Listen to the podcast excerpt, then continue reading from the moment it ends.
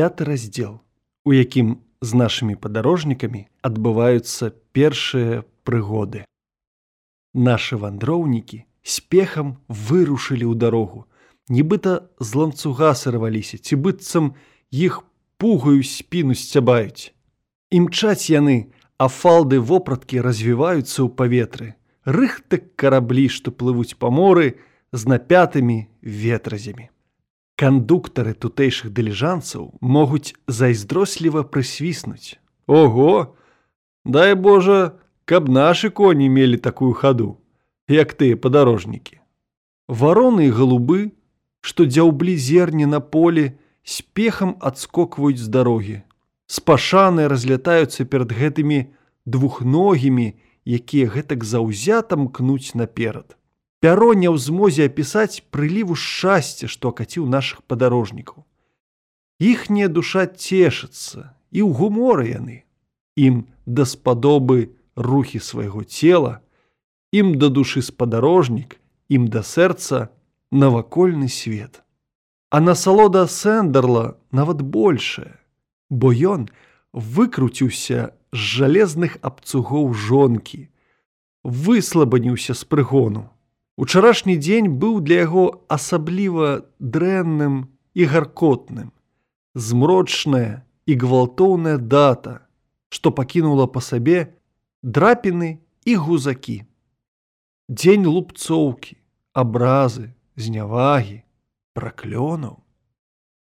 Дзень выдраных пасмаў з яго і без таго рэдзенькай барады.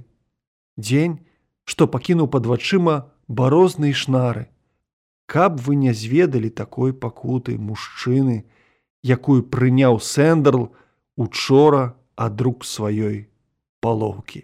Гэтак нашы спадарожнікі спяшаліся і ляцелі на адным дыху, моўчкі, не вытыркаючы языка, пакуль не ўваўрэлі, а буйныя кроплі поту не праступілі на твары. Сэндерл пачаў стамляцца і ўпадаць на сілы.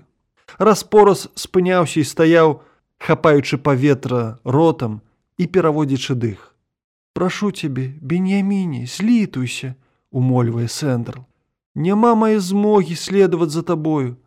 Ты, браце, не пра табе кажучы, падобны да лася. Бяжыш як казёл перад казіным статкам. Хутчэй, хутчэй сэндерле. Клікнуў яго беньямін, горды сваёй цягавітасцю. Кажу табе сэндерле, я б так хутка бег ажно до конца свету. Але ж бенеміне злітуйся, на халеру так ляцець, адгукаецца сэндерл. Далі Бог, мы ж нічога не прапусцім. Нават калі затрымаемся на дзень-два, прабудзем туды на дзень-два пазней і толькі таго. За гэты час свет не абваліцца. Колькі прайшло ад стварэння свету. 5 тысяч з гакам гадоў. А ў запечкавым камітэце казалі, што свет прастаіць як найменей да сёмага тысячагоддзя. Што дае нам запас у колькі соцень гадкоў. Сэндрале, годзе гультаяваць. Хто першы, той лепшы, мужней. Калі ўпаў трохі на сілы, няма бяды. Бо калі прыбудзем туды з Божай дапамогай, туды, ты зможаш выпрастаць ножкі і нарэшце станеш жыць як чалавек. Маеш рацыю беньяміне. Хочаш хутчэй? Маеш хутчэй, мне што шкада, як на мяне, дык я за цябе. Але, дружа, што рабіць з маімі нагамі? Хоцькі не хоцькі, беньямін сцішыў хаду. Сонца увабралася ў моц і скварыла напоўніцу. Нашы вандроўнікі паваліліся на ўзлеску ля ўзбочыны. Стомленыя, змораныя, палеглі на зямлю, з цяжкасцю дыхаючы. Хапаючы паветра ротам, змакрэлыя. Гузакі ды драпіны, што трохі былі загаіліся на твары сэндерла, зноў набрынялі і пачырванелі ад поту і спёкі. Смылелі так, нібыта косткі праціналі голкі. Зрэшты, аддыхаліся і агойталіся. накинули рытуальное покрыва и стали молиться. Беньямін маліўся доўга-доўга, вагаючыся і хістаючыся, заўзята, з сардэчнай засяроджанасцю. Пасля такое багамольнай працы ён яўна заслужыў чарку гарэлкі, але дзе ты тую гарэлку знойдзеш, або задаволіўся б і з карынкай хлеба, якая знайшлася б у кошыку, і сказаў бы все прынагодныя блаславенні і нават падзяліўся б са сваім блізкім. Яго пусты страўнік патрабуе падсілкавацца. Ён са свайго боку згаладнелы і здарожаны, гатовы падсілкавацца, але не драбочка. Што рабіць? А тое, што наш чалавек зазвычай робіць у галодную часіну, ікае, бухікае і чыхае, аблізвае губы языком і глытае сліну, паціскае плячыма, мацае барадзёнку ды, накручваючы пейсы, уздыхае. Потым зноў мацае бараду, уздыхаючы яшчэ гарчэй. Бенямін бухікнуў як след. Потым падумаў, падумаў і дастаў з заплечніка нейкі такі малітоўнік, ды нараспеў прамурлыкаў мелодыю гагдэмуса. Сэндерле. Бенямін перапыніў чытанні і сказаў: « Ведаеш, чым я зараз займаюся. Чаму узмоцніў чытанні спевам? Ты яўна галодны, простадушна адказаў Сэндерл. Абы што кажаш, адгукнуўся Бенямін. Але нават калі галодны, то што? Таму і спяваеш. Калі наш чалавек песню зацягвае, Калі галодны і дадаў: спявай бенеміне, спявай, калі душа патрабуе. А мая душа патрабуе зрабіць іншае дзеянне. І, кажучы гэта, засунуў руку ў кайстру і дастаў адтуль сабойку. Бо Сэндерл сабраўся як належыць, яго торба не была пустой. Бенемін зірнуў на яго, і вочы ягоныя прасвятлелі скібы белай булкі, што засталіся ад суботы, а таксама кабачок, радыскі часнык. У кайстры было ўсё. Сандрал, нібыта узорная жонка, зрабіў запасы і гэтым здабыў у вачах спадарожніка яшчэ большую прыязнасць. Бенямін цешыўся сваім хаўруснікам і нават убачыў гэтым знак. Атрымаў я ад усявышняга блаславёны падарунак сказаў сабе бенемін сэндерл для мяне нібыта манна нябесная для народа божага у пустэльні пасля вячэры устаў сэндерл і забраў што засталося ад яды і схаваў торбу сказаўшы гэта на заўтрашні дзень а торба прадасца нам яшчэ тысяча разоў калі вернемся з божай дапамогай да дзядоўскіх парогаў. Амен. З легендаў і казак мы ведаем гісторыю пра чароўны абрус. Маўляў, абрус абрус, дай мне тое, дай сёе. І абрус дае. Такім во абрусам ёсць для нашага чалавека торба. Шмат, ой шмат нашых людзей толькі з яе і жыве, і толькі яе пакідаю спадчыну дзецям торба па сутнасці адна і тая, але ў людзей розных рангаў яна прымае шматлікія формы і набывае розныя назовы. У простага чалавека гэта торба, звычайны палатняны хатуль. У людзей шляхетнага стану яна набывае форму капшчука, гаманца, шкатулачкі, скарбонкі для ахвяраванняў, грамадскага кашелька і гэтак далей. Але насамрэч гэта толькі торбы, нашыя торбы. Сэндарунька, сказаў Беньямін, усцешаны спадарожнікам. Мы з табой проста нябесная пара. Як цела і душа жывем ты ды я нашу вандроўку. Ты цела, твой клопат у харчах, Я ж заняты духоўным пажыткам. Дык вось ведаеш, навошта я чытаю гагдэмус. Гэтаму ёсць глыбінная прычына. У будучыні, калі творца, хай ён блаславіцца і ўсвяціцца, перанясе нас з мірам да дзесяці згубленых кален, дык там нам давядзецца размаўляць з імі на гагдэмуснай мове. Яны размаўляюць там на арамейскай, якая нагадвае тую, на якой напісаны малітвы. У Эльдада з калена данавага, які ёсць укладальнікам малітваў гагдэмус, адна малітва пачынаецца вельмі вымоўна. Я пачынаю размаўляць. Запомні як след сэндерле. Тут у нашых краях нам дастаткова размаўляць на еўрапейскім ідышы, а там яго, відаць, не разумеюць. У гэтых тэмах я табе давяраю, прамовіў сэндерл, пакорліва, нібыта шкаляр перад прафесарам. Ты глядзіш у свае кніжкі, то бок ты чалавек сталы думкамі і ўчынкамі. І вось доказ, што я табе веру.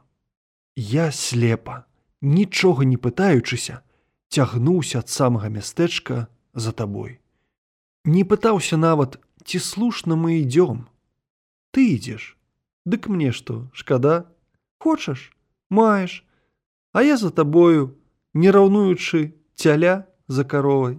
Беньяміну стала прыемна ад такога сляпога даверу, што сэндерл аж так спадзяецца на яго беньямінаву мудрасць і бачыць у ім стырнавога, што кіруе карабель у самае марское прадонне. Праз гэтую прыемнасць нават засумняваўся ў слушнасці выбранай дарогі, ажно засмылела ў сэрцы. Каб жа іх сцежка не выявілася памылковай. І пакуль яго грызлі сумненні, напярэймы нашым вандроўнікам вясковец. Едзе сабе на возе гружаным саломай, Сэндерле паклекаў беньямін.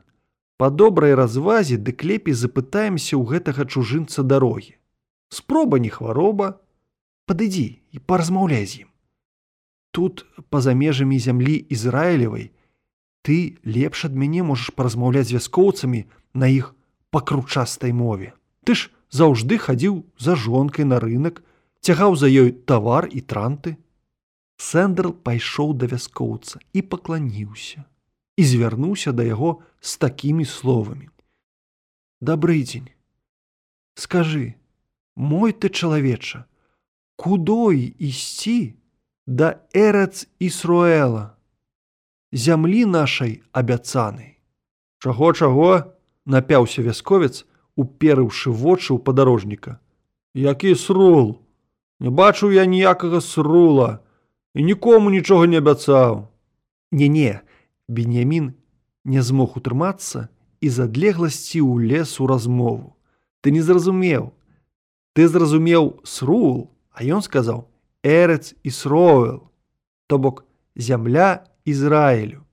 А ты, сэндерль, паўтары выразней. У яго ж галава мужыцкая. Скажы яшчэ раз: У эрец і сроэл! І сроэл, кудой! пачаў быў сэндерл, дапамагаючы сабе жэстамі. Ідзіце да лихаматары. Што вы мне тут дурыце галаву? І дадаў: Гэты шлях ідзе на апівудавічы, а яны срула нейкага прыплялі і чыесьці абяцанкі, сказаў ім вясковец, плюнуў і паехаў сваёй дарогай. Ногі зрабіліся свінцовыя і валачыліся па дарозе. Але нашы вандроўнікі сабраліся з духам і сіламі, каб зноў пусціць у ход аслабелыя сцёгны. Паколькі ісці было вельмі цяжка, перасоўваліся то бокам, то скокам. Ясная рэч, хадой гэта назваць цяжка, але брылі на свой капыл, ды сунуліся наперад. Бо які выбар ім заставаўся? Паваліцца на зямельку, але якая з гэтага карысць? Акрамя таго, непрыстойна. Ідзе сабе наш чалавек і раптам бэмц паваліўся і ляжыць пасярод дарогі. Гэта адно сапсуе рэпутацыю і затрымае вандроўку. Словам, нашы вандроўнікі перасілілі сябе і яшчэ да першай зоркі трапілі у апівудавічы. Завітаўшы ў шынок, Беньямін адразу заняў месца ў кутку. Расцягнуўся на зямлі, каб папрастаць ножкі. Сэндерл жа, не раўнуючы ўзорная жонка, пайшоў апекавацца начлегам і вячэрай. Шынкар абвёў сэндерла позіркам ад макаўкі да пят. З паводзін і выгляду зрабіў выснову, што ў адрозненне ад іншых пахаджан гэта не такі просты. Тады даў добрый дзень і запытаўся: « Добры чалавеча, Як тваё імя і адкуль ты?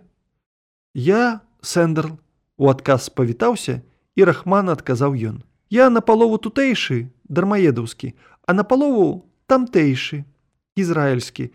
Я служка спадара беньяміна, які ўласнай персонай узлягае вунь у тым куточку. Вокам гненна твар шынкара расквеціўся багавейнасцю сусветнай лагодай. Ён даў сэндерлу павагу і запрасіў сесці на лаву. Пакуль сэндерл быў занураны ў гутарку з шынкаром, Беньямін наш ваяжор аддыхаўся і агалошманы расцягнуўся на падлозе ў куце гасцініцы. Цягліцы ног распухлі, вены ўздуліся, мазалі крываточылі і паколвалі так, нібыта ў іх звіваліся купы жамяры і мурашоў. Крокі адбіваліся як малаткі. У вушу гуд. Трубны голас, які ўсё мацнее і завяршаецца моцны трэллю. Гострым шоргатам так, нібыта пускаюць ракеты і вакол шугае фейерверк, тысячы яскарак разнастайных колераў. Зялёныя, чырвоныя, белыя, жоўтыя і гэтак далей. І раптам выбліск. І потым цемра над безданню. Усё голае і кволае і пустэча, ажно нават сам беньямін растаў у неварці. Але з Божай ласкі Беньямін вярнуўся да памяці і зноўку ўвасобіўся жывой душою.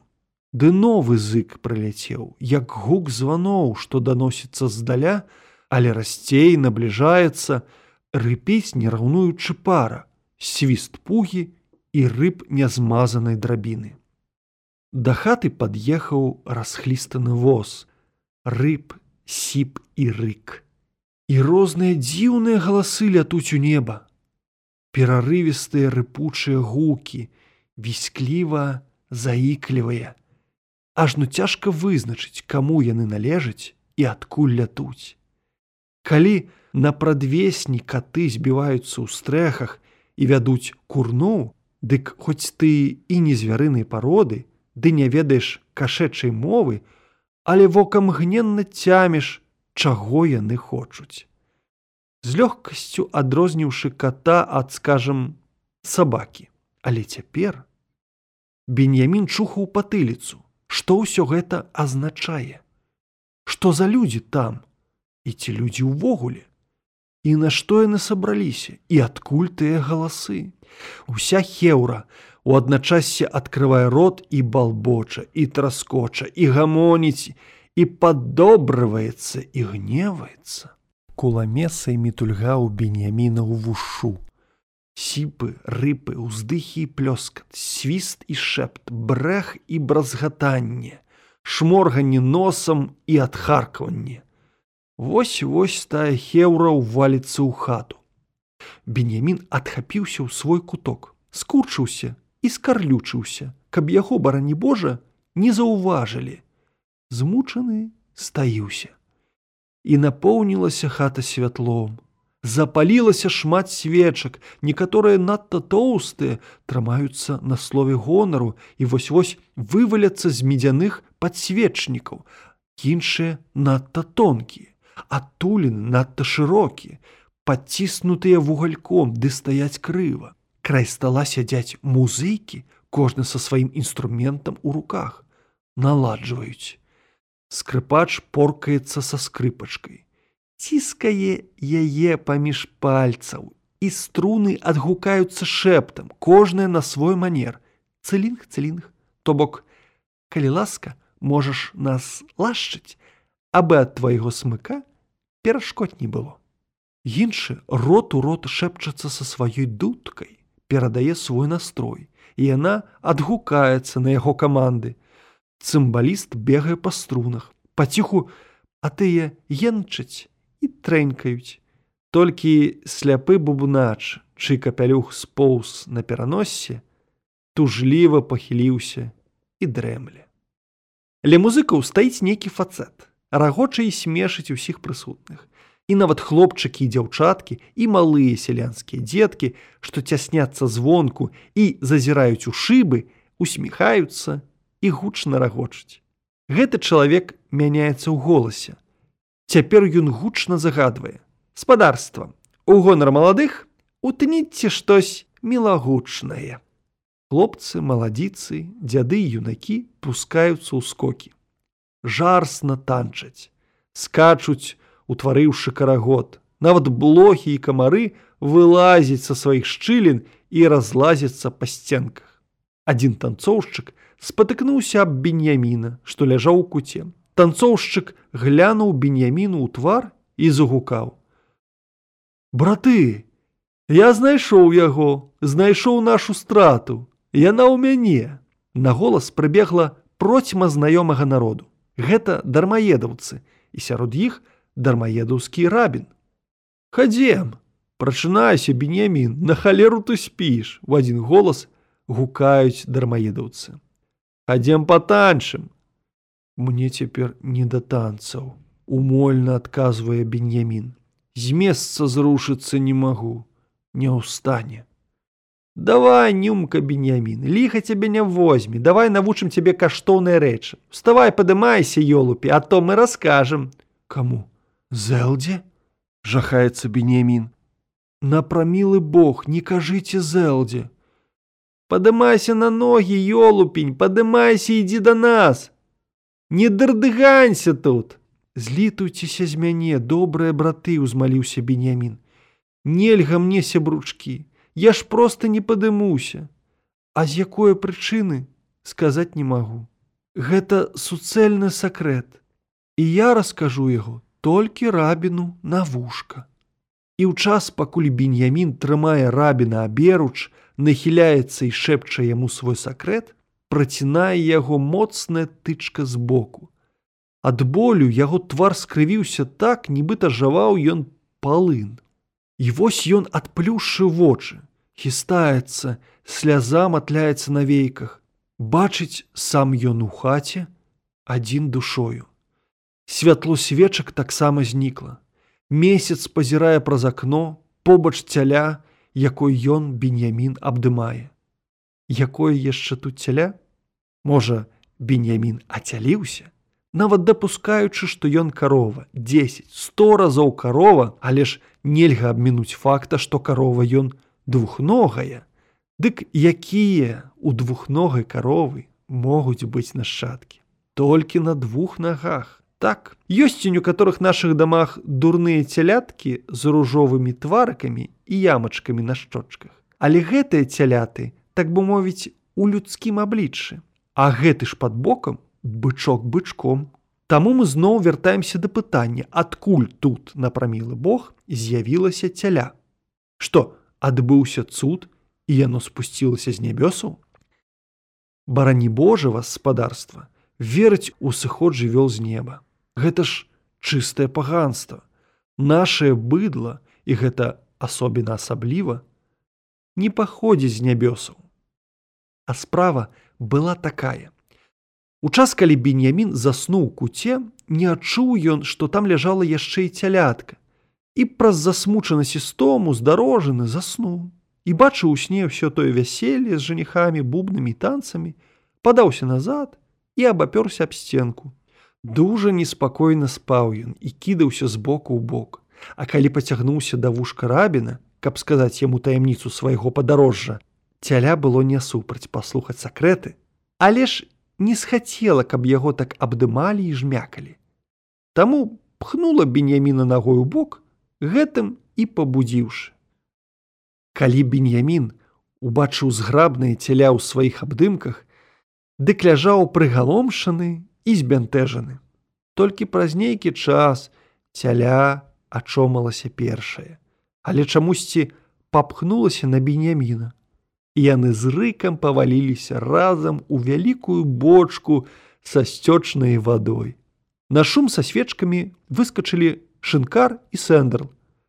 Калі б тут прысутнічаў паэт, дык пэўна, пабачыўшы беньяміны і цялятка, прыплёў бы неразлучных сяброў і вадой не разліць. Але сэндерл і арандар паэтамі не былі. Таму сяброў адразу ж разлучылі, а разлітую ваду з беньямінавай вопраткі стрэслі. З пашанай давялі яго да пакоя, дзе ён заснуў. Паваліўся на ложак і, нават не памаліўшыся на ноч, захроп. Прамоўнае пытанне. Давайте правядзём моўнае пытанне да ладу. У пракаветныя часы, скажем, 3000 гадоў таму яўрэі размаўлялі на іўрыце. Потым, скажем, дзве з паловы тысячи гадоў таму у гутарках перайшлі на роднасную іўрыту мову, арамейскую. Пераехаўшы ў Еўропу, скажем, паўтары тысячи гадоў таму сталі гаварыць на ідышы, у якім пануюць тры галоўныя складнікі германскі, іўрыцкі і славянскі. А скажем, 100 гадоў таму, вярнуўшыся ў Ізраіль, сталі зноў размаўляць на іўрыце, які у вялікай меры супадае з іўрытам біблійны. Вось жа, жывучы ў сярэдзіне 19 стагоддзя Беньямін упэўнены, што згублены калены мусіць размаўляць на арамейскай, то бок на мове, якая панавала перад вялікім сыходам зямлі Ізраілю.